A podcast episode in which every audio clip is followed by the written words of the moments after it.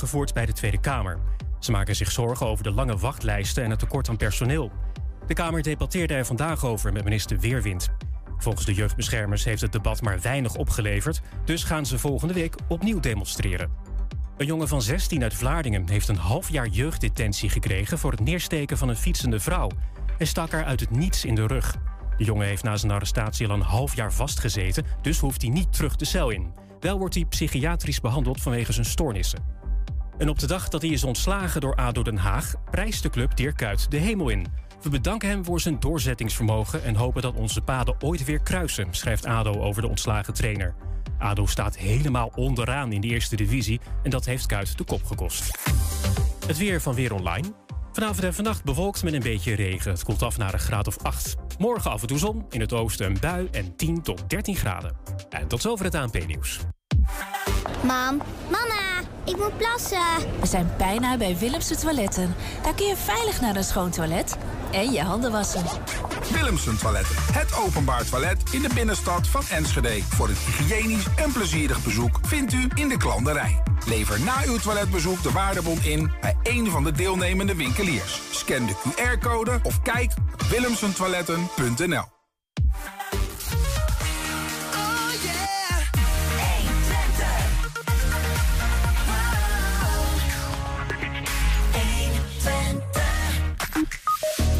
29 januari wordt er een nieuwe stadsdichter van Enschede gekozen. Verkiezingsleider Stefanie van Tuinen en huidige stadsdichter Dick Sluter praten ons bij over die zoektocht. Ja, de Twentse Apothekenorganisatie wil de actualiteit van het vak en de uitdagingen voor apothekers in Twente uitleggen.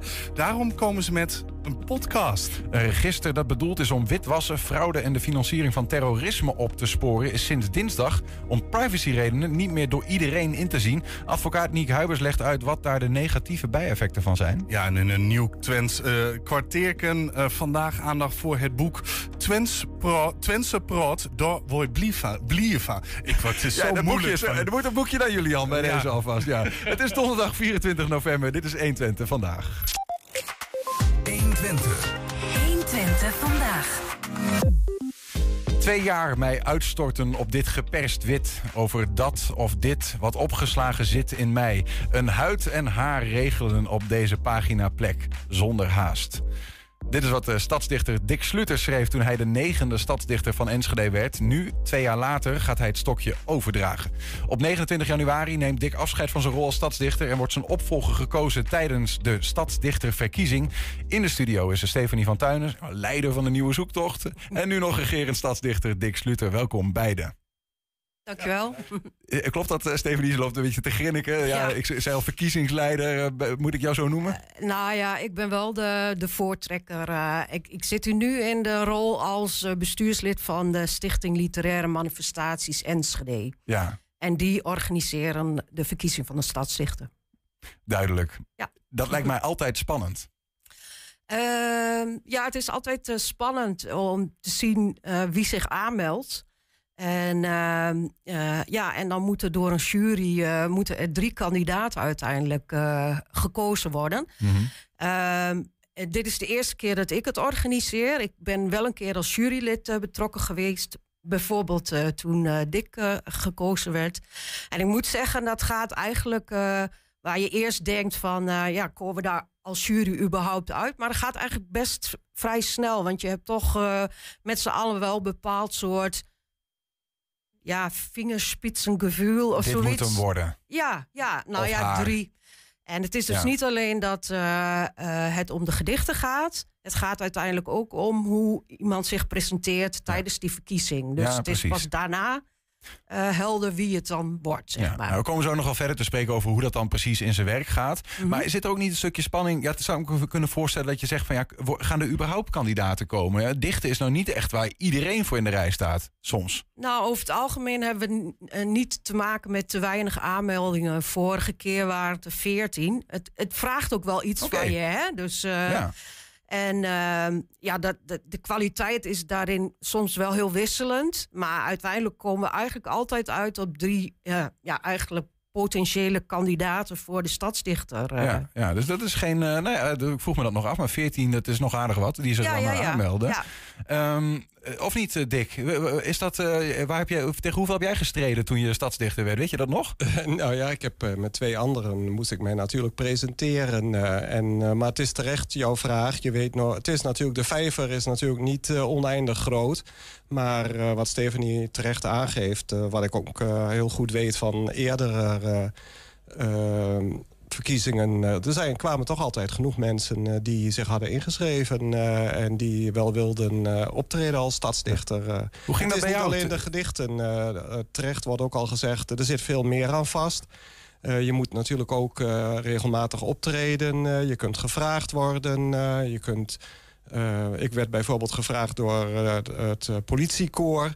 of ik in het kader van hun jubileum een gedicht wilde schrijven. mandolineorkest, eh, nou, noem maar op. Eh, je wordt regelmatig op allerlei manieren benaderd...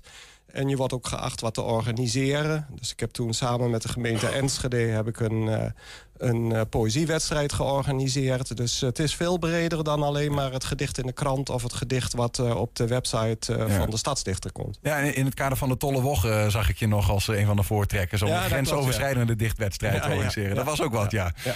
Ehm, maar hoe ging dat bij jou dan, Dick, twee jaar geleden? Want je hebt het dan twee jaar gedaan, min of meer. Ja, iets korter. Ik was eh, co- een van de coronaslachtoffers bij wijze Ja, van spreken. Nee, de- door de coronaperiode was het toen niet mogelijk om het eind eh, januari te, te organiseren. En is het eh, in eh, begin mei georganiseerd. Of eind april, begin mei. De procedure liep in april. En Ja, ja. Mei, in mei ben ik, begin mei ben ik eh, inderdaad in dienst getreden. Ja. Waarom? Eh, nou, ik hou mij al heel lang bezig met poëzie. En eh, vanaf mijn middelbare schooltijd. En ik eh, was in het verleden, was ik zelfs eh, de pro- provinciedichter, de dichter van Overijssel. Eh, van 2011 tot 2013. En ik woon al langer in Enschede dan dat ik ooit in een andere stad gewoond heb. Dus ik voel me ondertussen ook wel een Enschedeër. En eh, ik had ook wel zoiets dat ik het heel eervol eh, vind eh, om eh, stadsdichter van Enschede te worden. Ik, had, voor, ik, ik was dan nu gekozen, maar ik had daarvoor ook al eerder meegedaan. Ik heb ook al één keer eerder van het drietal deel uitgemaakt. En Toen Ja, ja. is Margot Huismans het geworden.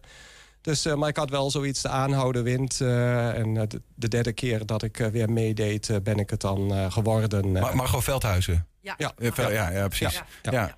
Eh, En is voel je, voelt het voor jou ook als een, ehm, nou ja, als een, als een ambt? Als iets. eh, nou ja, je, het is, het, je omkleedt ook best wel nou ja, serieuze gelegenheden soms. Ja. Eh, de- hoe Nou ja, ik voelt heb, het om eh, stadsdichter te zijn? De enige van Enschede. Nou ja, dat voelt soms ook wel als een last en vaak als een uitdaging. Het moet zeker niet onderschat worden. Dus eh, toen bijvoorbeeld eh, dat eh, jongetje omkwam door dat klaphamer-incident eh, in Haaksbergen. ja. Ja, toen kwam bij mij ook weer boven het vuurwerkslachtoffer... wat toen gevallen was daar in Glanenbrug... met die ontploffing op een karretje wat de lucht in, in vloog. Dus toen heb ik daar toch een gedicht over gemaakt. Maar ja, dan, dat is dan toch wel een uitdaging. dus ik wilde er, eh, dat eh, ongeluk met die klaphamer erbij betrekken... maar ik wilde eigenlijk terechtkomen en... en eh, bij het slachtoffer wat binnen de gemeente Enschede dan gevallen was. Omdat hij eigenlijk helemaal in de vergetelheid aan het raken was. Ja. Dus daar wilde ik dan toch wel weer de aandacht op vestigen. vestigen. eh, Voelt het dan ook als. als eh, ehm, wat voor functie voel je voor jezelf? Zeg maar? Wat voor een bijdrage kun je leveren als stadsdichter? Nou, wat ik zelf eh, altijd, eh, je las het net al een beetje eh, voor. Je brengt toch zaken die spelen binnen de gemeente. Want je bent tenslotte niet niets stadsdichter. Maar daar hoort bij Enschede ook nog wel een omliggend groen gebied. Ja. Dat je die eens op een andere manier naar voren brengt. En dat je aandacht vraagt voor bepaalde onderwerpen. Of dat je inspeelt op de actualiteit. Dat wordt ook wel van je verwacht. En daarnaast heb je gelukkig wel de ruimte om ook eh, vanuit een eigen belangstelling, insteek in relatie met de stad eh, te presenteren. En Ja. mijn eh, eerste gedicht gaf eigenlijk aan, en daar heb ik mij ook regelmatig aan kunnen houden, van ik wilde de verschillende wijken in Enschede en daar horen ook de dorpen bij. Die wilde ik portretteren en is van een andere manier dan benaderen. En een belangrijk stijlkenmerk van mij was ook, nou dat spreekt denk ik ook de achtergrond van historicus mee. Dat ik ook uh, terugging in de tijd en het in een bepaalde historische context soms plaatste. dus... En waarom heb jij dat dan? Want ik zoek een beetje naar jouw beweegreden, of in ieder geval wat je voelt, wat je bijdraagt als stadsdichter aan een stad. Zeg maar. wat, wat, wat, wat voor reacties heb je gezien of wat, wat wilde je opwekken bij de mensen? Nou, ik wil, de belangrijkste wat ik altijd wilde opwekken is dat wanneer mensen mijn gedicht gelezen hadden in de Tubantia, dat ze eigenlijk het gedicht nog een keer gingen lezen. Dat is, was altijd mijn hoofddoelstelling. Dat Poëzie was het belangrijkste. ja, dat je dus uh, een gedicht presenteert en dat mensen aan het eind zoiets hebben van... Goh, dat moet ik nog eens even nog een keer uh, opnieuw lezen. Uh, en, want je werkt ook altijd als dichter met betekenislagen. Je kunt een gedicht in één keer lezen. En dan heb je wel een bepaalde boodschap die dan wel overgekomen is. maar over het algemeen, en dat is ook altijd een uitdaging. was ook voor mij belangrijk. Ik wilde ook altijd uh, bepaalde betekenislagen erin hebben. Dat je eigenlijk als je het nog een keer ging lezen... dat je dan misschien ook nog wel een paar andere dingen gingen opvallen. Ja. En... Uh, was ja. er nog een ding onder voor jou? Een, een ja, een, een, soort van hoge doel? Of was het voor, vooral van nee, de mensen die tekst gaan, nee. gaan, gaan, doorleven? Maar wat... Nee, er was wel een hoge doel dat ik uh, wat wilde bewerkstelligen. Dat er over gesproken werd. Of dat het uh, opgehangen werd als poster. Uh, of dat, dat was bij het laatste gedicht, was dat wel mooi deze maand daar uh, kwam ik ook toch nog even dat ik aangaf... Uh, ik wilde ook wel een keer wat doen met de politiek. Als je er uh, zo lang hier stadsdichter bent... dan moet je ook wel aandacht schenken, vind ik, aan het werk van de gemeenteraad. Dus heb ik een gedicht gemaakt over de gemeentebegroting... Uh, dat de raadsleden met cijfers bezig waren. Dan kon ik ook mooi die uh, expositie aankoppelen van Carlijn Kingma in het uh, Rijksmuseum. Dat geld stroomt. Ja. Dus en die hele beeldspraak van stroom, van water in relatie met geld... dat zit door het hele gedicht heen. Maar ik had de begroting ook stevig doorgeploeterd. En mij was opgevallen dat het bad in in uh, Glanenbrug. Uh, dat dat uh, een van de projecten was, maar pas op de vijftiende plek stond. En ja, goed, daar Burgerbelangen heeft dat... Ik, ik, heb dus de naam Burgerbelangen, die heb ik niet genoemd... maar de meeste mensen weten dan wel Burgerbelangen gaat het dan over. Die hebben dat beloofd. Ja. En dan is het dan leuk dat ik dan terughoor en ook daarna teruglees... dat nog in diezelfde week Burgerbelangen met de voorzitter van Glanenbrug heeft gesproken van... Uh, wacht, die stadsrichter die uh, schrijft uh, daarover en we moeten wel wat doen. Ja, dat je met dus, je poëzie echt op die ja, impact dus dan kun je soms wat bewerkstelligen. Ja, de macht van het woord is toch wel interessant dan. En wat gebeurt er diezelfde week? Een verklaring van de voorzitter van de dorpsraad van Glanenbrug... dat er een onderzoek komt naar de haalbaarheid van het, uh, van het uh, bad. Nou, dat had heel duidelijk te maken dat ik uh, de kattenbellen had gebonden in dat gedicht. dus dat was natuurlijk wel een heel leuk effect. Ja, ja, nee, maar dat kan me voorstellen. Dat is echt nou, heel direct dan zelfs een hele concrete opbrengst... wat dat betreft. Um, Stephanie, hoe heeft Dick het gedaan als stadsdichter? Ja, hartstikke goed. Hij uh, heeft zich, uh, ja, er zijn wel een aantal regels aan verbonden. Uh, dat wil zeggen dat, en dat is voor een Enschedese stadsdichter best fors in vergelijking met andere stadsdichters. Maar je moet echt twaalf gedichten per jaar en dat dus twee jaar lang. Um, ik weet van oud-stadsdichters dat dat soms best wel een opgave is, omdat je. Je wil en actueel zijn en uh, uh, de relatie met Enschede heel duidelijk hebben, maar je wilt ook je eigen stem daarin verwerken. Wat Dick net al zei, die verschillende betekenislagen uh, wil, je, wil je ook. dus dat is best wel een combinatie wat wel wat van je vergt, zeg maar. Ja. Wat heeft, wat heeft een goede stadsdichter dan nodig? Hè? Wat had Dick bijvoorbeeld, of wat hebben die vorige gehad? Of, waardoor een jury bijvoorbeeld zou kunnen zeggen: Nou, dat, eh, is, het, is dat het. Nou, je hebt het al een beetje benoemd, hè? het voldoen aan, aan bepaalde voorwaarden. Ja, het zijn, het zijn een beetje de standaard dingen. Voor hele ja, basisdingen als uh, in de Nederlandse taal. En uh, het mag niet langer zijn dan één A4'tje ingedicht. Er moeten twee nieuwe gedichten uh, die echt specifiek voor deze verkiezing geschreven zijn. Ja. Die moeten ook gaan over Enschede. Um, maar daarnaast ga je heel erg als jurylid kijken naar authenticiteit. hoe zit het met klankrijm? Dus eigenlijk ook een beetje de, ja, de, de, de regels van de poëzie in de Nederlandse taal. Uh, ja. ja. Ja, dus het heeft eigenlijk het hele plaatje. Eigenlijk wat Dick zegt, je wil, je wil dat iemand een gedicht nog een keer uh, moet lezen. Misschien dat er wat meer betekenis in zit dan alleen wat je ziet. Ja. En dat het ook nog ergens over gaat, om het zo zeker, te zeggen. En over Enschede. Ja, en, en daarnaast is het dan van belang dat je het ook heel goed voor het voetlicht uh, kunt brengen. Want je, kan, je hebt hele Ja, goede dichters die heel goed kunnen schrijven, maar die eh, zich qua presentatie eh, helemaal niet op een eh, prettige manier presenteren, waardoor het gedicht helemaal niet overkomt. Nee, is het daar dan ook de reden? Want dat vroeg me af. Je hebt eigenlijk twee stadia in, de, in je verkiezing. Eén Ja. is nou ja, dat, dat mensen dingen mogen insturen. En twee is dat je gesprekken hebt. Ook echt met, de- met drie overgebleven kandidaten, zoals je al zei. Ga je daar ook in, die, in dat laatste gesprek meer kijken naar wat is iemand voor persoon en hoe draagt hij dan iets voor? Eh, dat voordragen ga- eh, is eigenlijk echt alleen op de stadsdichtersverkiezing die middag. Maar bij eh, het gesprek ga je heel erg kijken naar de motivatie van iemand, waarom iemand stadsdichter en welke plannen hij of zij al heeft met zijn stadsgedichten de komende twee jaar. Welk Ja, ja. doel? Nou, Dick gaf heel duidelijk toen aan van ik wil echt wijken in en zo. Ehm, ja, zo heeft iedereen eh, zijn eigen ehm, motivatie om stadsdichter te worden. Maar hoor ik jou nou zeggen dat je op die uiteindelijke eh, verkiezingsdag nog kijkt naar de presentatie? Ja. Maar dan neem ik toch Ja. aan dat je het toch stiekem al wel weet wie het gaat worden? Nee, nee, nee. Dan zijn het nog steeds gewoon drie kandidaten. En eh, nadat zij hun gedichten, twee gedichten dragen ze voor. Nadat ze die gedichten hebben voorgedragen, trekt de jury zich terug. En dan kan het soms best nog wel eens zijn dat eh, waar je eerst misschien als jury dacht, nou volgens mij is dit 1, 2, 3. Maar dan kan het in die presentatie zo eh, eh, veranderd zijn dat je toch een andere eh, schikking maakt, zeg maar. Zo, spannend. Is dat dan ook op 29? Want jij stopt hè, 29 januari, Dick, stop je Ja, ermee? ja, wat eh Stefanie al aangaf, de 29e is de verkiezing. Eh, uiteraard daarvoor moet de jury, waar ik zelf ook in mag zitten... eh, die moet wel dan een keuze hebben gemaakt van de drie kandidaten...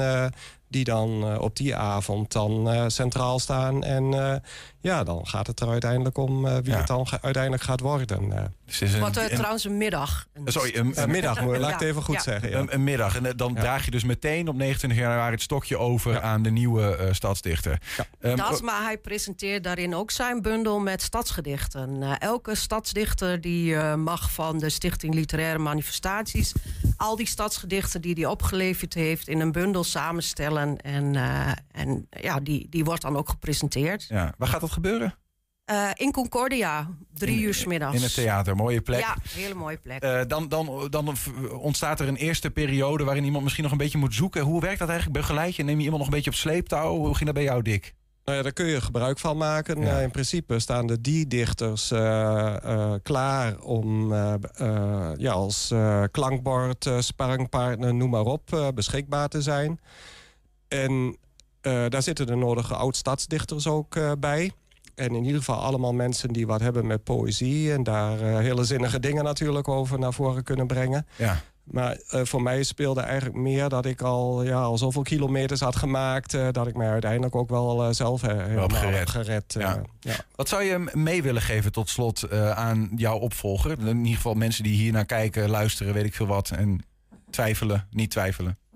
Eh, dat het een heel eervol eh, ambt is, eh, wat uiteraard niet onderschat moet worden. Maar als je wat met poëzie hebt en je wilt nu ook eens naar voren komen... en voor het voetlicht treden en regelmatig met je gedichten ook in de krant verschijnen... dat je wat aan, wilt, aan wil reiken aan de bevolking... om bepaalde onderwerpen is, is op een andere manier te lezen... en daarmee geconfronteerd te worden...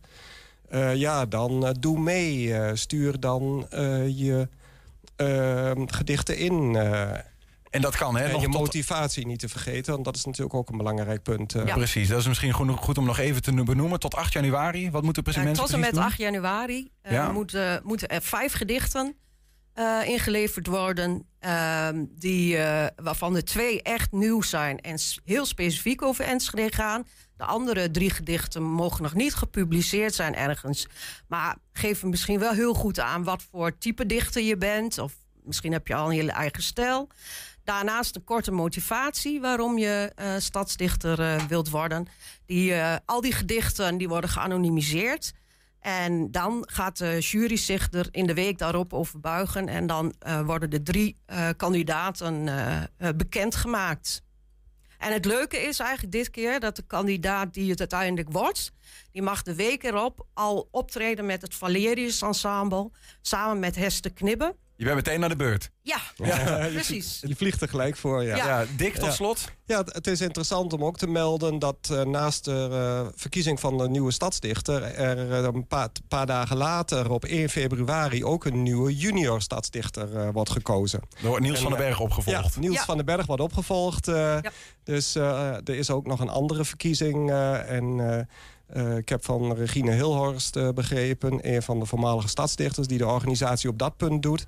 eh, dat eh, op scholen al mooie gedichten door allerlei kinderen eh, zijn Kijk. ingeleverd. En op 1 februari krijgen we dus ook een nieuwe junior stadsdichter. En die wordt in principe ook begeleid door de stadsdichter. Dat Ja. is ook een van de taken. Precies, nou daar komen wij daar zeker ook nog eens op terug in deze uitzendingen. Aanmelden voor het senior stadsdichterschap is alleen voor 18-plussers... en kan tot 8 januari via info-apenstaatje bibliotheekenschede.nl. Stefanie en Dick, dank jullie wel. En Dick, ik wil zeggen, veel plezier met de laatste potloodjes. Ja, ik heb nog een aantal gedichten te gaan. Eh, ik ben er nog niet. Kijk eens aan, dankjewel. Ja, een eh, eh, register dat is bedoeld om witwassen, fraude en financiering van terrorisme op te sporen... is sinds dinsdag om privacyredenen niet meer door iedereen in te zien. Advocaat Niek Huibers legt zometeen uit wat daar de negatieve bijeffecten van zijn. En we zijn natuurlijk ook als podcast te luisteren. Je kan ons vinden op alle, bekende, alle bekende platforms. Je vindt daar hele uitzendingen uitzendingen op 120 vandaag. En iedere dag 8 uur is de tijd. Zit er ook in 120 vandaag één item uitgelicht. 120. 120 vandaag. Apothekers staan voor steeds grotere uitdagingen. Tekorten aan medicijnen, personeelsproblemen en afnemende steun van zorgverzekeraars zijn er slechts enkele van. De Twentse Apothekersorganisatie wil nu meer aandacht vestigen op die moeilijke situatie. En dat doen de apothekers met een eigen podcast. Ja, op 5 december verschijnt de eerste aflevering van Apotheekkast Tao. TAO, waarin eh, de actualiteit in het vak en de uitdaging voor apothekers in Twente worden toegelicht. Bij ons is voorzitter van de Twentse Apothekers en dat is Erik Mijnhart. Erik, wel- welkom. Dankjewel. Ik, ik, ik weet en zie dat po- podcasts als paddenstoelen uit de grond schieten. Maar als ik eh, hoor over een podcast van apothekers over het apothekersleven... dan denk ik, nou, daar zijn we inmiddels. Nou, dat, dan zet je ons een beetje weg als een conservatieve organisatie. Want, zo voelt het voor mij. Oh ja. Nou zit hier ook iemand met grijs haar eh, richting de 60. Dus dat zou dat beeld heel erg kunnen bevestigen. Maar er vindt ook heel veel vernieuwing in de farmaceutische zorg plaats. Ook binnen de openbare apotheek. En juist ook om eh, aandacht te vragen voor de druk die op ons vak op dit moment plaatsvindt, hebben we gezegd: ja, wij gaan ook mee in die vernieuwing, wij gaan ook mee in de tijd. Dus laten we ook het medium podcast gaan gebruiken. Wij vragen al vaker aandacht ervoor in de media. eh, met eh, persberichten, dat haalt de krant dan, dat haalt eh, soms het NOS-nieuws, NOS-nieuws, komt het ook al een paar keer. Maar we zeggen, nou, we vullen daar nu aan met een podcast. Dan gaan we mee in de tijd en dan zijn we een van de vele pod- paddenstoelen. Ja. Maar ik hoop wel dat we daarvoor heel, veel- heel veel aandacht mee zullen krijgen. Ja, nou, ik bedoel eigenlijk ook niet per se te zeggen dat het nou is dat ik denk, nou, een, een oude organisatie, conservatieve organisatie die iets nieuws doet, maar meer gewoon van ja, dat- dat blijkbaar ook de, de apothekerswereld in een podcast te vatten is. Nou, dat vind ik bijzonder. Laten we eens een stukje luisteren waarin jullie uitleggen waarom je die podcast maakt. Een van de dingen wat wel eens een gebrek voor apothekers is, dat wij weinig zichtbaar zijn, weinig van ons laten horen. Huisartsen gaan naar het Malieveld, dat doen we niet zo snel. We hebben ook geen trekker waarmee we de snelwegen in Nederland kunnen blokkeren. Dus ik denk juist dat het goed is dat we een wat scherper geluid, eh, kritisch geluid laten horen. En daar is dit medium denk ik eh, fantastisch voor. Vertel eens, want ja, kijk, ik, eh, ik heb alleen met de apotheek te maken op het moment dat ik een recept bij de huisarts aanvraag. En eh, er komt een medicijnen aan bij de apotheek. En dan ga ik op mijn fietsje, in mijn geval naar de centrumapotheek in Enschede. Trek ik een kaartje en dan neem ik het mee. Ja. Dat zit. Ja. Wat zie ik niet wat er wel is?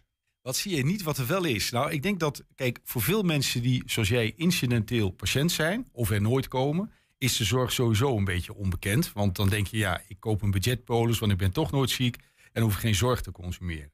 Maar realiseer je dat er twee, meer dan 2 miljoen Nederlanders zijn die chronische zorg krijgen. Die, die bijna wekelijks, zo niet dagelijks, met die zorg in aanraking komen. En als je dan kijkt naar de rol van de apotheker, naast de huisarts en de thuiszorg, dan ligt daar een hele nauwe samenwerking met die drie om die patiënt heen, om die de beste zorg te geven. En dat zijn niet alleen maar die geneesmiddelen verstrekken. Dat gaat ook over de informatie over die geneesmiddelen. Dat gaat ook over een stukje begeleiding als ze het geneesmiddel beginnen. Of als ze het geneesmiddel mogelijk moeten afbouwen. Het gaat ook over de mensen die intensieve zorg krijgen. hè. Mensen palliatieve zorg, mensen in de einde levensfase. daar speelt ook die apotheker met zijn team een belangrijke rol bij het begeleiden in de thuissituatie. Dus er zijn veel meer situaties die gelukkig voor jou als incidentele patiënt ja, bijna niet herkenbaar zijn. Maar voor een hele grote groep Nederlanders wel herkenbaar zijn die chronische zorg gebruiken. En waar zit dan in die sector... ehm, kijk, bijvoorbeeld van, van de huisartsenwereld weten we... want die trom, eh, klepperen aan de bel, hoe je het wil zeggen.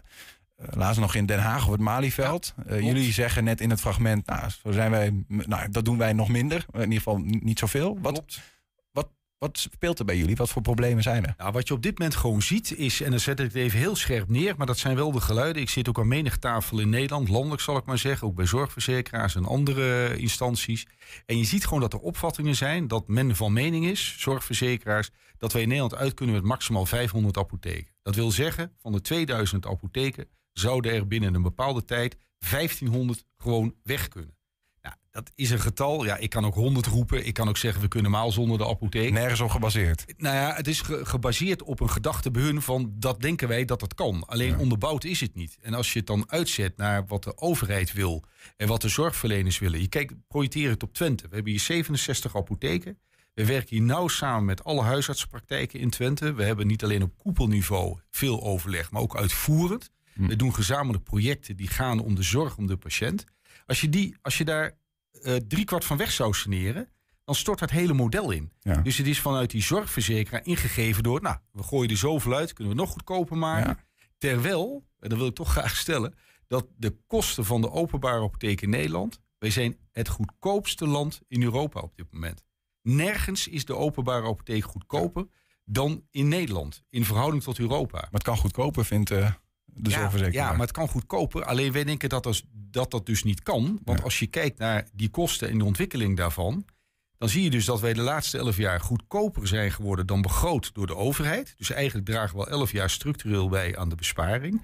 Maar vindt die verzekeraar op de een of andere manier helemaal geobsedeerd... door uh, de kosten die er nu nog zijn en die zouden weg moeten. Ja. En de kosten van dure geneesmiddelen... die zitten vooral in de tweede lijn. En dan hebben we het over de middelen over kanker en al dat soort geneesmiddelen. Die worden extreem duur. Er is natuurlijk een hele grote maatschappelijke behoefte aan. Want kanker is een zeer leidend ziektebeeld helaas in onze samenleving. Maar daar zit vooral de kostenontwikkeling van dure geneesmiddelen. Niet meer in die openbare apotheek. Ja. Terwijl we veel samenwerken, veel mensen aan het werk hebben... die de samenwerking zoeken met de huisarts, met de praktijkverpleegkundige... met de thuiszorgmedewerker. En dat zou je dan helemaal wegsaneren. Maar dat kan nooit de bedoeling zijn, nooit. Maar je, je hoort, in, ik hoor dit geluid nu van jullie voor het eerst eigenlijk. Uh, maar het verwondert me in die zin niks. Omdat uh, het wel langer bekend is dat de zorgverzekeraar... Ja, is een, markt, is een markt geworden, vrije markt. Uh, efficiency denken. Klopt. Um, ja, wa, wat maakt het nou zo lastig dat, dat zowel de huisartsen daaronder gebukt gaan... dat jullie ja. daar blijkbaar onder gebukt gaan? Nou ja, dat en de thuiszorg. De thuiszorg, um, de ziekenhuizen ongetwijfeld, weet je wel dan moet je toch op. Jullie zijn de poortwachter van, uh, van, van ja. de zorg in Nederland. Ja, hè? De, de, de, waarom is dat zo'n strijd? Dat is... Ja, nou, is een goede vraag van je. Waarom het zo'n strijd is? Ik denk dat de afstand tussen de zorgverzekeraars bij de inkoop. Want ik heb het niet over alle mensen binnen zorgverzekeraars, maar met name bij de inkoop. staat steeds verder af van de zorgverlener die goede zorg wil leveren. Er komt binnenkort een onderzoek uit. Ik kan er nog niet uit citeren, maar ik kan er wel iets over zeggen. Want ik heb het vanochtend in een ander overleg gehoord. Waaruit blijkt, is groot onderzoek onder zorgverleners, dat het vertrouwen van zorgverleners in de zorgverzekeraar is gedaald tot maar liefst. Nee, eigenlijk nog maar 12 procent. Ongelooflijk. Dat is heel schokkend. En dat heeft ja. te maken met het feit dat we ons niet gehoord voelen. Het is, ja, dan ga ik me bijna met de boeren associëren. Die voelen zich ook niet gehoord. Ja. En die huisarts voelt zich ook niet gehoord. Maar ook de thuiszorg voelt zich niet gehoord. Hè? Ja, het, het, het, ja ik, ik vind dat eigenlijk ongelooflijk in die zin dat de zorgverzekeraar jullie een soort van opdrachtgever is.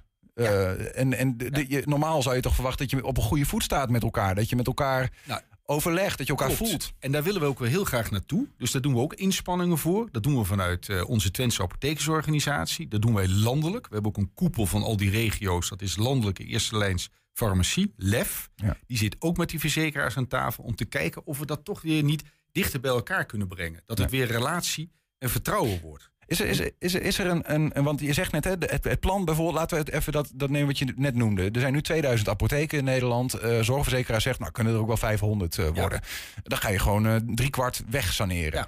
Ja. Um, wat is de kans dat dat gewoon gaat gebeuren? Wat hebben jullie daar eigenlijk over in de melk te brokkelen? Nou, we hebben daar uiteindelijk uh, nou, nou, heel weinig. Want de zorg, je hebt gezegd, is een vrije markt. De verzekeraars hebben een hele sterke positie als het gaat om de inkoop van zorg. Dus daar kun je heel moeilijk tegen vechten.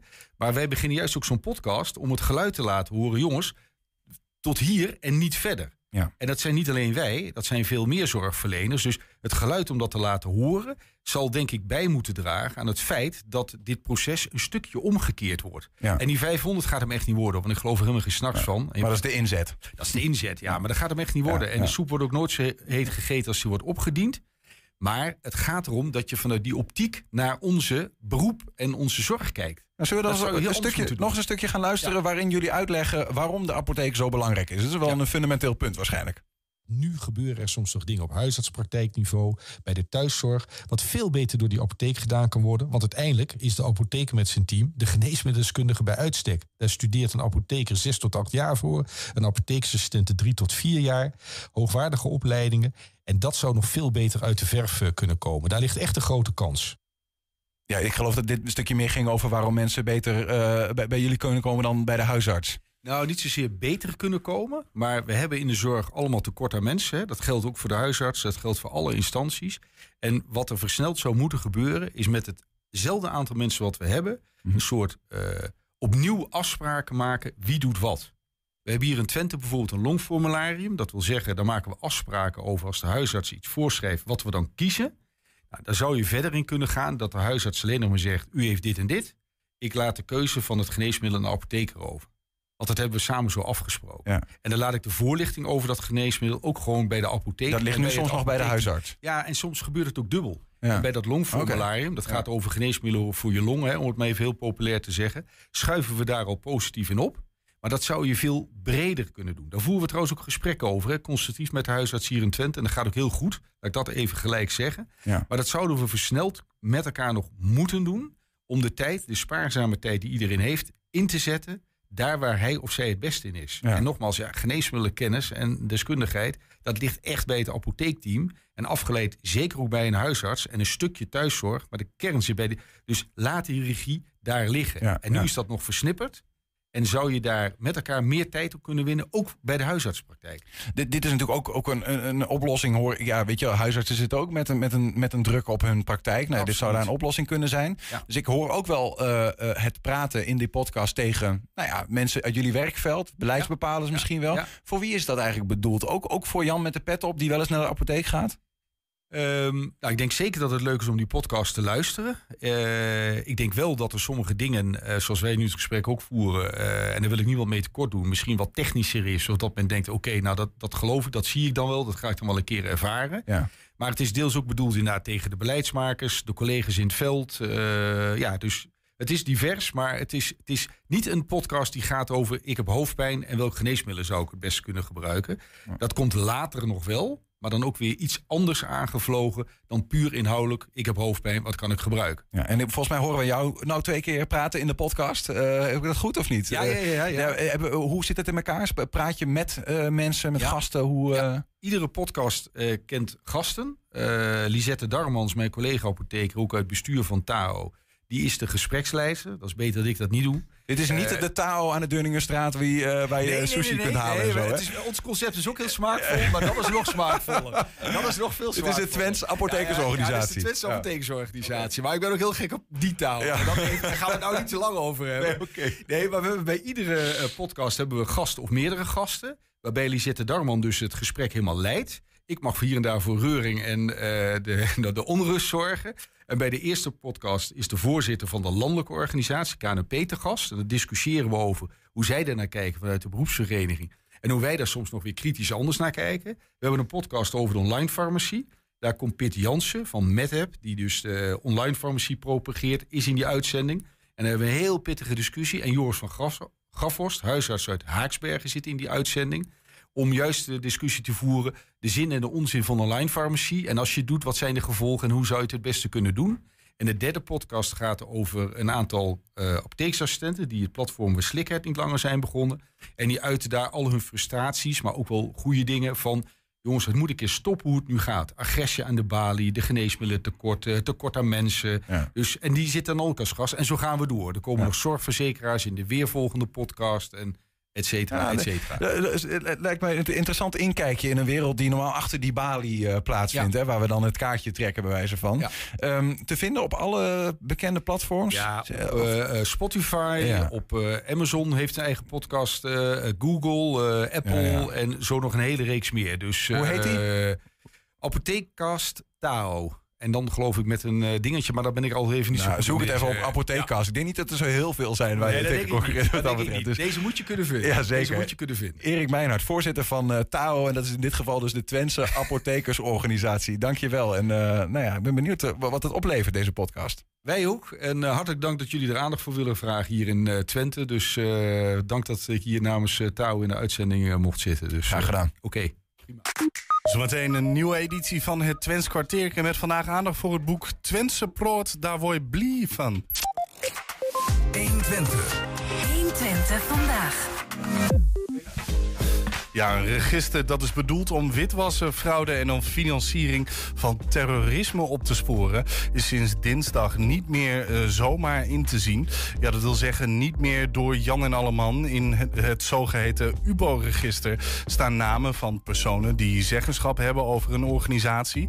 Minister Kaag zette er een slotje op nadat het Europese Hof oordeelde dat de openbaarheid van het Luxemburgse UBO-register in strijd was met de privacy. Maar, zo zegt advocaat Niek Huibers, het slotje dat er nu op zit staat op gespannen voet met verplichtingen voor bijvoorbeeld banken, verzekeraars, advocatuur en notariaat die hun cliënten moeten onderzoeken. Dit is mijn uitspraak en daar moet u het mee doen. Rechtspraak met Damstee Advocaten. Vraagt om uitleg en hij is hier hoor. Niek Huibers, Zeker. welkom. Hi. Eh, misschien is het goed om te beginnen met het UBO-register. Ik had er nog nooit van gehoord. Nee, dat kan ik me goed voorstellen. Ik denk, eh, als je niet dagelijks mee bezig bent... eh, Dat is misschien maar goed ook dan. Ja, precies. Ja. dat is het onbekend begrip. Ja. Eh, UBO is een afkorting en dat staat voor Ultimate Beneficial Owner. Wat eigenlijk, ehm, eh, kort gezegd, is de uiteindelijke belanghebbende. In dit geval bij een juridische entiteit. Dus dan kun je denken eigenlijk aan elke juridische entiteit. Een BV, een NV, een stichting, vereniging. Eigenlijk alles, zolang het niet beursgenoteerd is of een eenmanszaak. Daar waar het geld naartoe gaat, moet ik het zo zien of niet? Nee, gewoon een juridische entiteit. Dat is, ehm, eh, daarvoor is het UBO-register opgericht. Ja. Dat eh, een, een be- uiteindelijke belanghebbende. En die uite- uiteindelijke belanghebbende die wordt gedefinieerd door... Nou, er zijn wat meerdere manieren voor. Iemand die eh, meer dan 25% economisch belang heeft. Of zeggenschap, of feitelijke zeggenschap. Ja, ja. En er zijn nog wat andere, andere maatstaven voor. Ja. Ehm, die worden opgeslagen in dat register. Eh, en die zijn, of die waren, eh, tot voor kort in Nederland... eh, ja, voor iedereen te raadplegen. Voor een Ja. kleine betaling voor 2 euro, 2,50 euro. Kon iedereen zien wel wie eigenlijk de feitelijke zeggenschap had... of de touwtjes in handen had. Ja, precies. Dus wie, wie, zeggenschap heeft over een onderneming. Maar ik hoor je ook zeggen wie belang heeft bij, bij het goed reilen en zeilen van een onderneming. Ja, er zijn wat meer verschillende maatstaven. Dus het economisch belang. Dus eigenlijk, maar eigenlijk wie, zit, wie zit er achter die onderneming? En dat is Ja. altijd een natuurlijk persoon. Want het is goed mogelijk dat je een hele kerstboom van verschillende BV's en NV's hebt die aan elkaar eh, is geplakt. Ja. Maar uiteindelijk verwijst het dan naartoe naar een natuurlijk persoon of meerdere natuurlijke personen. Ja, precies. Zoals jij en ik, zeg maar. Ja, Dat precies. een- Ja, mensen van vlees en bloed. Ja, ehm, nou is dat register dus bedoeld om hè, witwassen, fraude, eh, financiering zelfs van eh, terroristische Mhm. activiteiten ehm, op te sporen. Ja. Op welke manier draagt zo'n register daar dan aan bij? Nou, het idee achter van het hele UBO-register, dit is opgezet vanuit een Europese regelgeving. Dus iedereen in Europa, elk lidstaat, moet eh, zo'n register hebben. Eh, het idee is voor meer transparantie. Door te zien van, je kunt een onderneming hebben, maar wie, wie zit er nou daadwerkelijk achter? Ehm, daardoor heeft, ehm, nou, mensen kunnen zelf inzicht krijgen wie erachter zit. Maar ook de opsporinginstanties en de Belastingdienst kunnen zien, nou, hoe loopt zo'n constructie? En dat kan dus worden gebruikt om witwassen op te sporen of eh, ja, financiering van terror- terrorisme. Ja. Dan vind ik het al een beetje ingewikkeld om mijn vingers achter te krijgen. Maar kun je een voorbeeld geven van ja, waar- waarom bijvoorbeeld de Belastingdienst, wat die daar dan mee doet? Wat, wa- wanneer die naar iets gaat kijken, hoe bij witwas of terrorismefinanciering, hoe dat werkt? Nou, bijvoorbeeld bij, bij witwassen. Er zijn verschillende manieren hoe je iets kunt witwassen. Je hebt ergens illegaal geld verkregen en dat wil je, ja, dat wil je het economisch systeem of het financiële systeem inkrijgen. Nou, dan kun je bijvoorbeeld in een land waar de controle minder goed is, kun je het geld ergens misschien op een rekening zetten. Nou, dat kun je ook een keer overstorten naar een andere, naar een andere onderneming. En die, die, geld, of die onderneming kan het geld bijvoorbeeld weer uit, uitlenen naar een onderneming hier in Nederland. Ja. Zoals lening. Dan komt het geld eigenlijk gewoon goed binnen.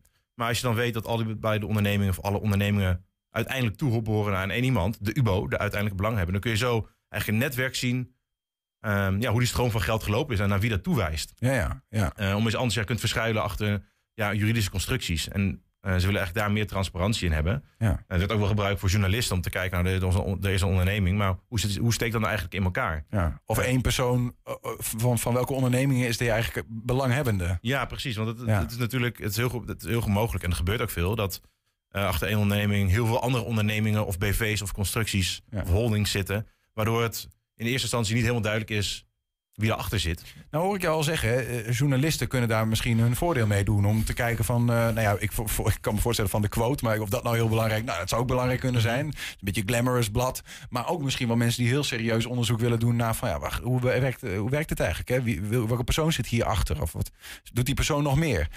Maar nu- is er een slotje opgezet, Ja. horen wij. Ook voor journalisten. Ja, is in principe is het nu voor niemand meer toegankelijk voor het algemene publiek, maar nog wel voor de Belastingdienst en andere opsporingsautoriteiten. die kunnen er nog wel bij. Ehm, en voor alle ondernemingen geldt ook nog steeds dat ze hun UBO's moeten invullen. Want het is een, ook een administratieve plicht voor iedereen. Iedereen, elk ondernemer moet er zelf zorg voor dragen dat ze dat indienen en dat dat juist is. Sinds maart dit jaar begreep ik dat het Ja, verplicht is. Ja, het is, eh, ja, klopt. Het is twee jaar geleden is het ingevoer, eh, ingevoerd. En toen hebben alle ondernemingen anderhalf jaar de tijd, of twee jaar de tijd gehad, tot en met 27 eh, maart dit jaar, om dat in te vullen. Ja.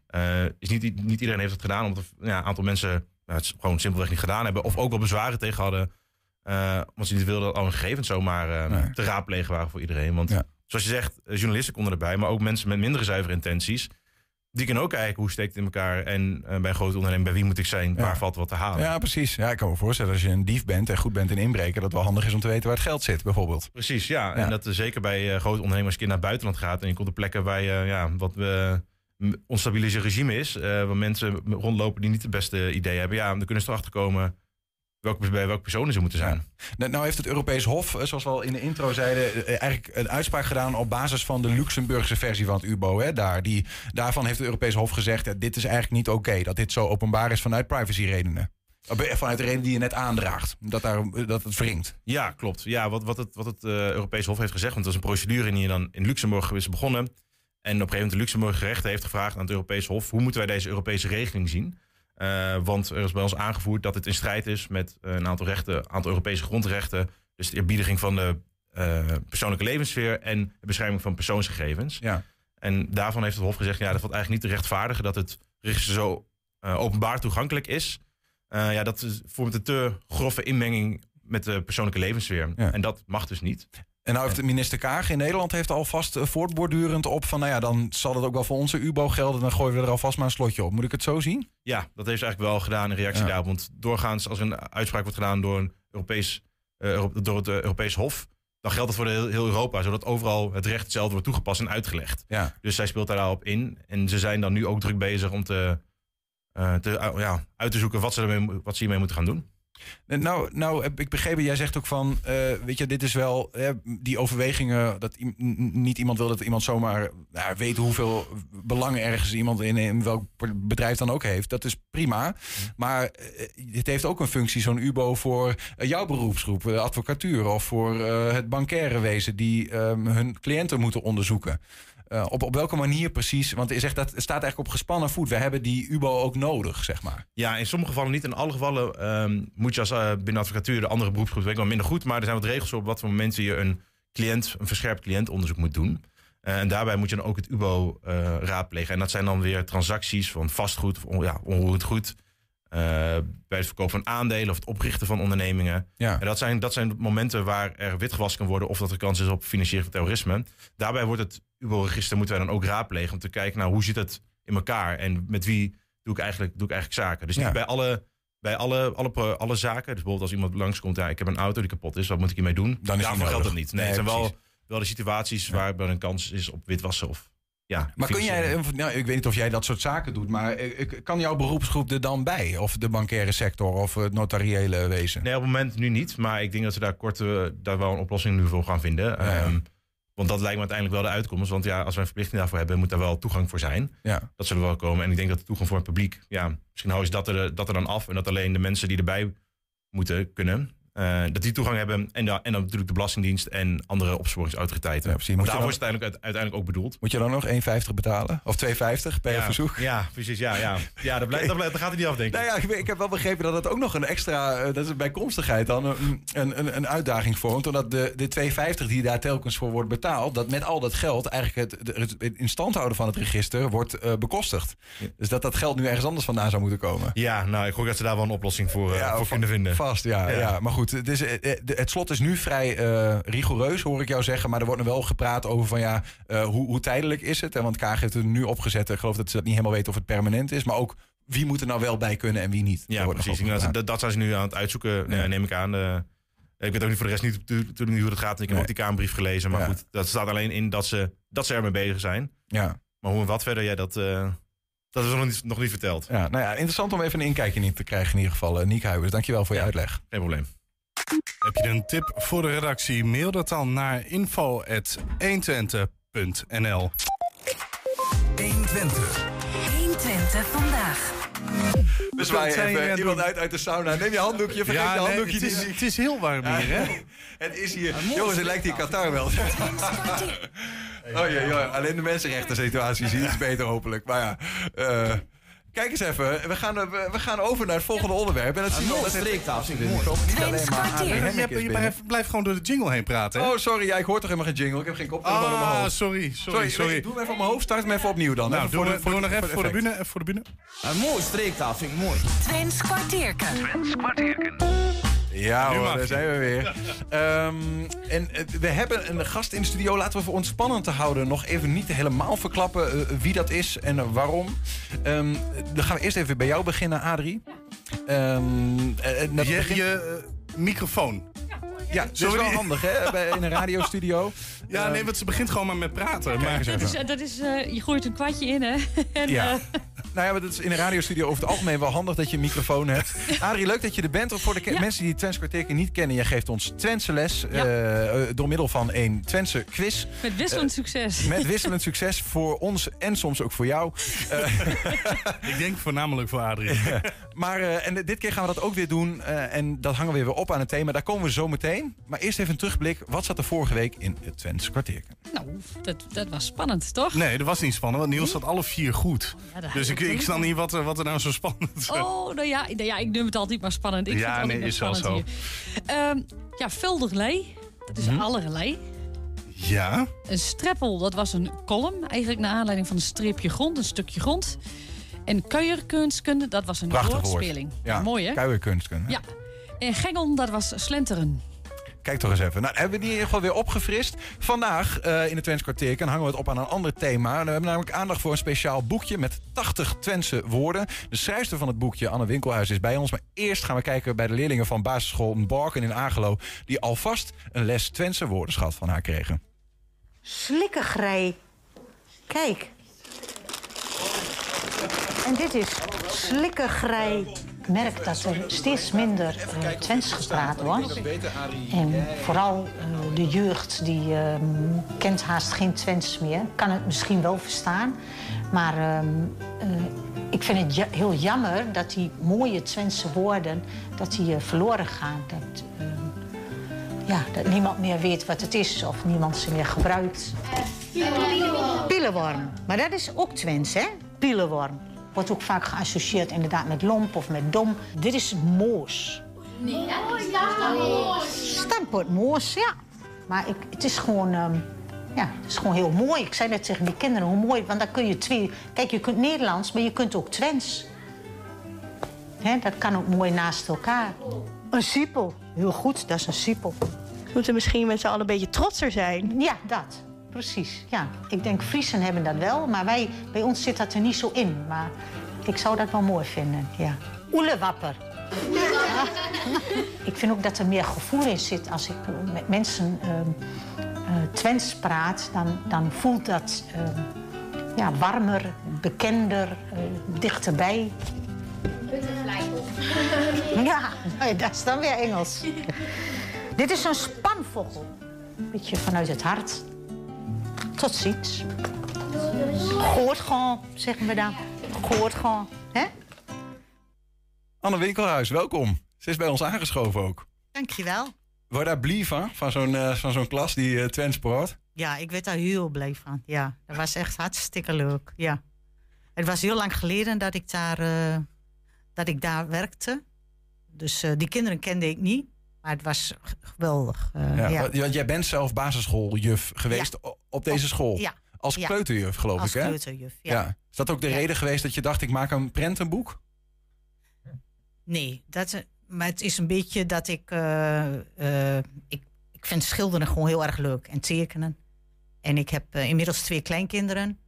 En ik dacht, ja, als ik die nog iets meer wil geven van Twents... dan moet ik dat beetje aanschouwelijk maken. En daar maak ik dan mooie tekeningen van of schilderijen. Ja. En toen... Um, ja, toen zag iemand het boekje en die zei van, nou, daar moet je echt wat mee, uh, daar moet je wat mee gaan doen. De, de, toen, die het boekje, toen had je het boekje al gemaakt? Ja, ik had een heel ander boekje. Het was uh, op bruin papier. En dat moest ik, uh, achter, later moest ik het helemaal opnieuw uh, en moest ik alle schilderingen opnieuw maken mm -hmm. Van het boekje. Ik hoor trouwens een kleine echo. Ik weet niet, dat komt uit de, de, de zaal hiernaast, denk ik, waar onze uitzending aanstaat. Als iemand daar is, misschien iets zachter draaien. Um, maar het is leuk om even wat, wat dingen te zien. Die je hebt, want je hebt wat, wat verschillende platen meegenomen. Um, en uh, je hebt ook, volgens mij hebben we nog wat op de, op de tv, maar misschien kun je wat op, omhoog houden en wat, wat laten zien uh, aan wat je hebt meegenomen.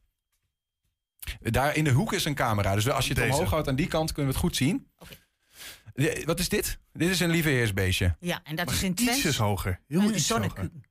Een zonnekuken. Zonnekuken. Ja, die ken ik nog. Die hebben we een keer gehad hè, in het Twents kwartierken. Het zonnekuken. De microfoon aan. Ja, er is weer een microfoon. Um, wat hebben we nog meer?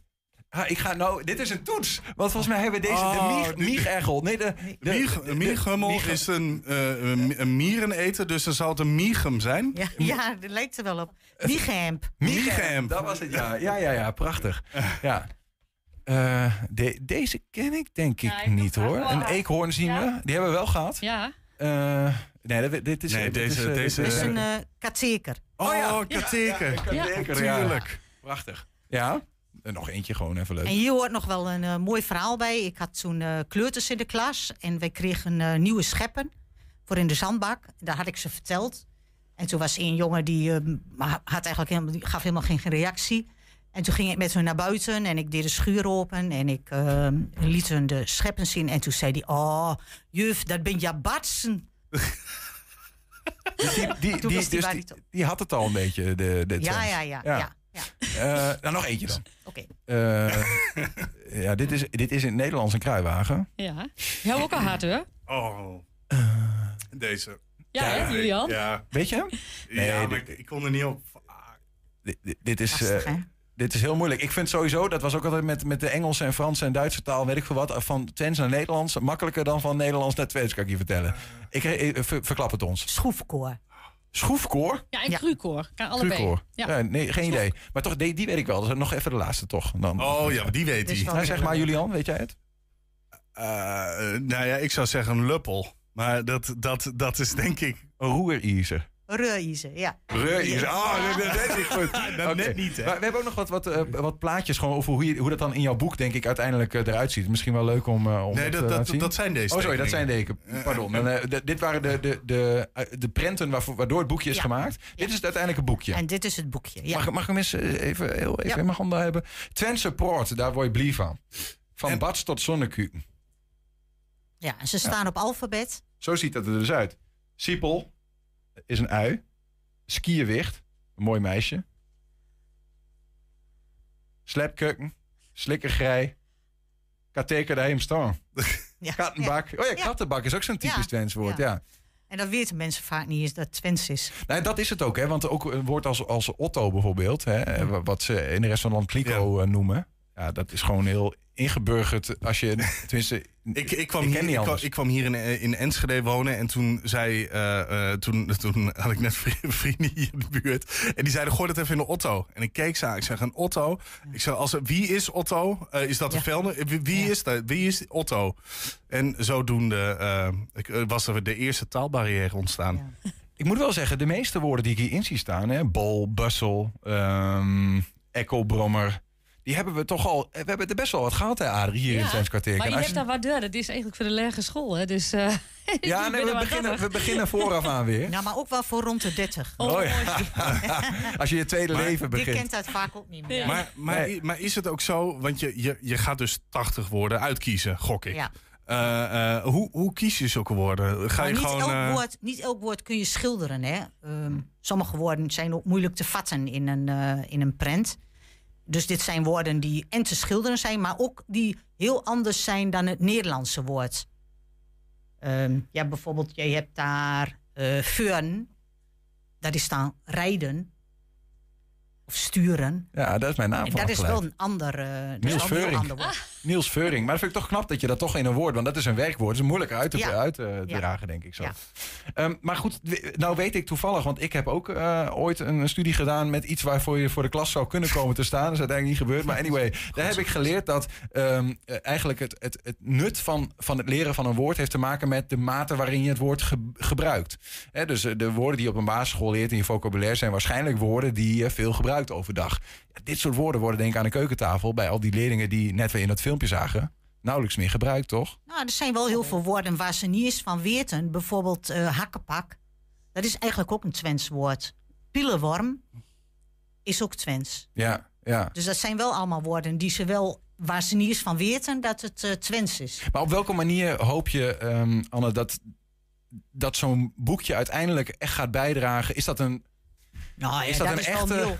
echt- hoog gegrepen misschien. Ja. Maar ik, want het is ook een beetje de ondertitel, daar word je blij van. En Ja. eigenlijk vind ik dat al mooi als mensen er blij van worden. Gewoon van de woordjes zo van, ach ja, och, dat wist ik niet. Of, eh ach, eh, dat ben ik helemaal vergeten. Of, eh, Ja. oh wat leuk. Ja, is, is, het, is het ook een beetje ingericht voor bijvoorbeeld hele, eh, wat- nou ja, wat oudere mensen... Ja. die misschien niet helemaal eh, eh, alles meer meekrijgen... dat ze denken, hé, hey, dit is voor mij herkenning. Ja, dat lijkt mij wel heel. ja, ik kan mij heel goed voorstellen dat mensen die in een verpleeghuis zitten en die zoiets zien en die dit herkennen van vroeger, dat dit gewoon wel heel erg leuk is. ehm, ja. Heb je zin in een, eh, in een, in een, in een ander quizje van Adrie en dan gaan we uh, Twents naar Nederlands? Ja, ja. Ja, dat, dat doen we hier eh, in, het Twents kwartier en dat durf je wel aan. Ja, dat zijn weer drie nieuwe woorden. Misschien... eh, Ja, dus ben, ben, ben benieuwd. Ik denk dat we eh, dik worden verslagen door Anne. Maar we gaan het meemaken. Adrie Hemming, jij hebt drie nieuwe of, woorden voor deze, deze week. Drie nieuwe Twentse woorden. Telkens een Nederlandse betekenis. Eén is maar goed. Je geeft ons er drie, dus we moeten raden welke of redeneren.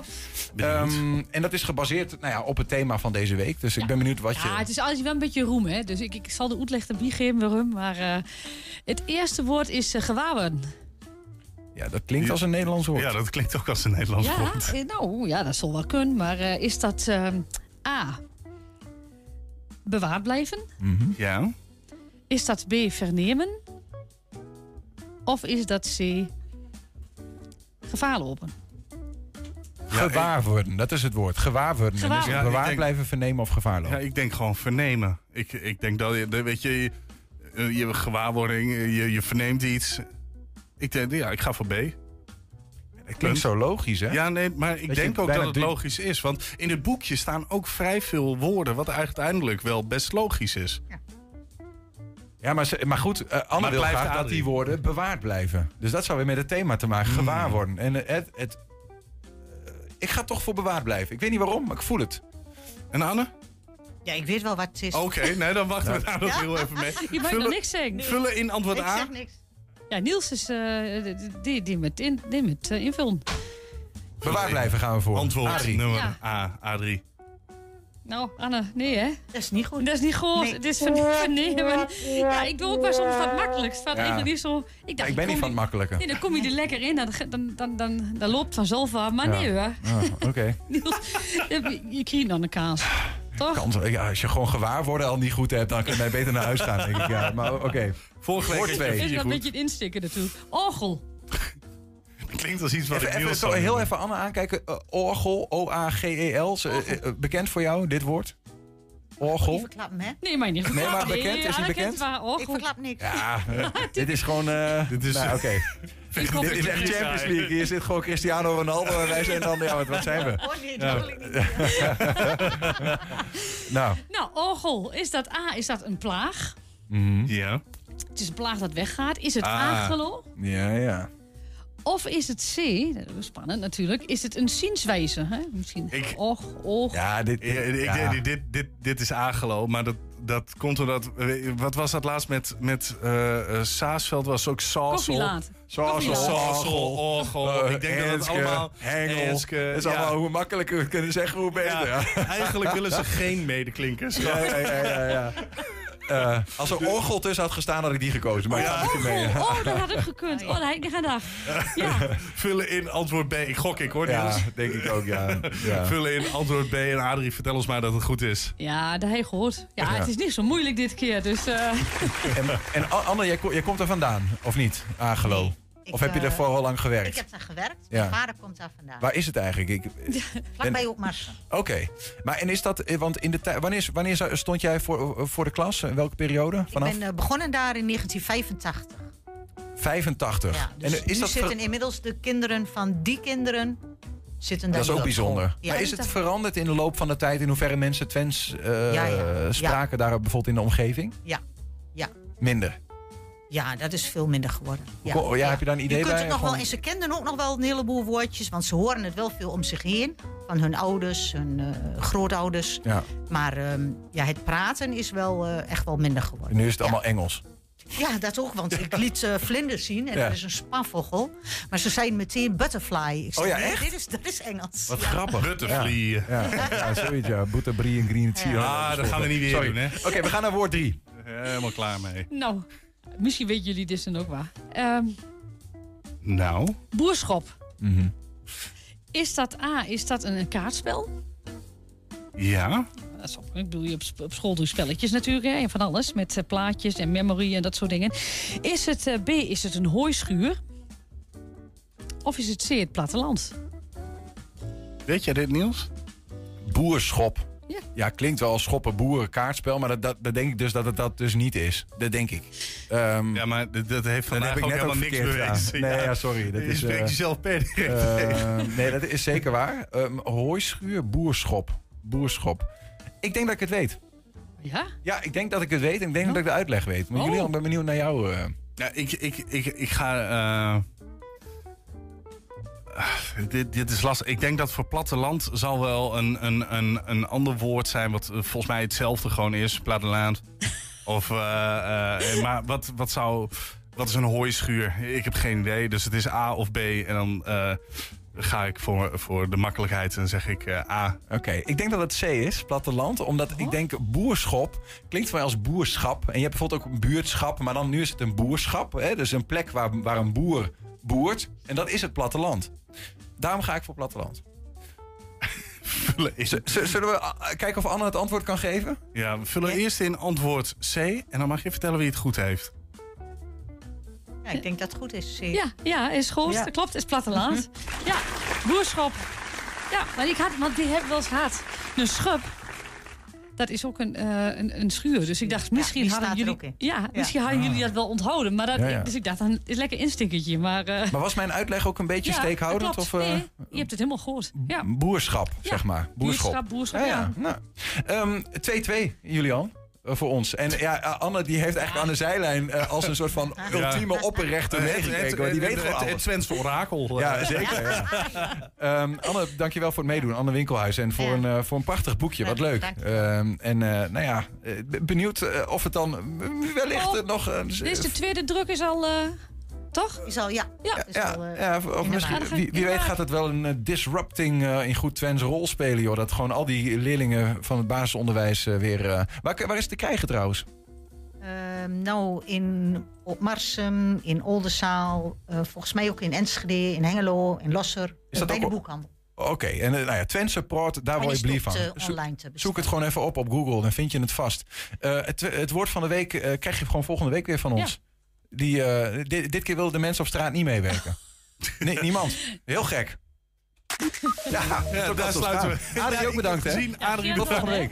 Sluit hiermee 120 vandaag af. Terugkijken, dat kan direct via 120. Ik vind het ook niet leuk, hè? Mensen moeten gewoon mee blijven werken. Ja, maar Volgende dat, gewoon- dat doen ze tegenwoordig Ja. niet meer. Ja, Ja. volgende week betere kans. Tot morgen. We zijn te goed geworden, ze durven niet meer. 120. Weet wat er speelt in Twente. Met van 5 uur. Goedemiddag, ik ben Michiel Frazenstorm. De inspectie gaat toch het politieoptreden in Staphorst onderzoeken. Er werden zaterdag anti-zwarte piet-betogers aangevallen. Dat er veel onrust over is, wacht de inspectie niet op het politieonderzoek. Een van de vragen is of de politie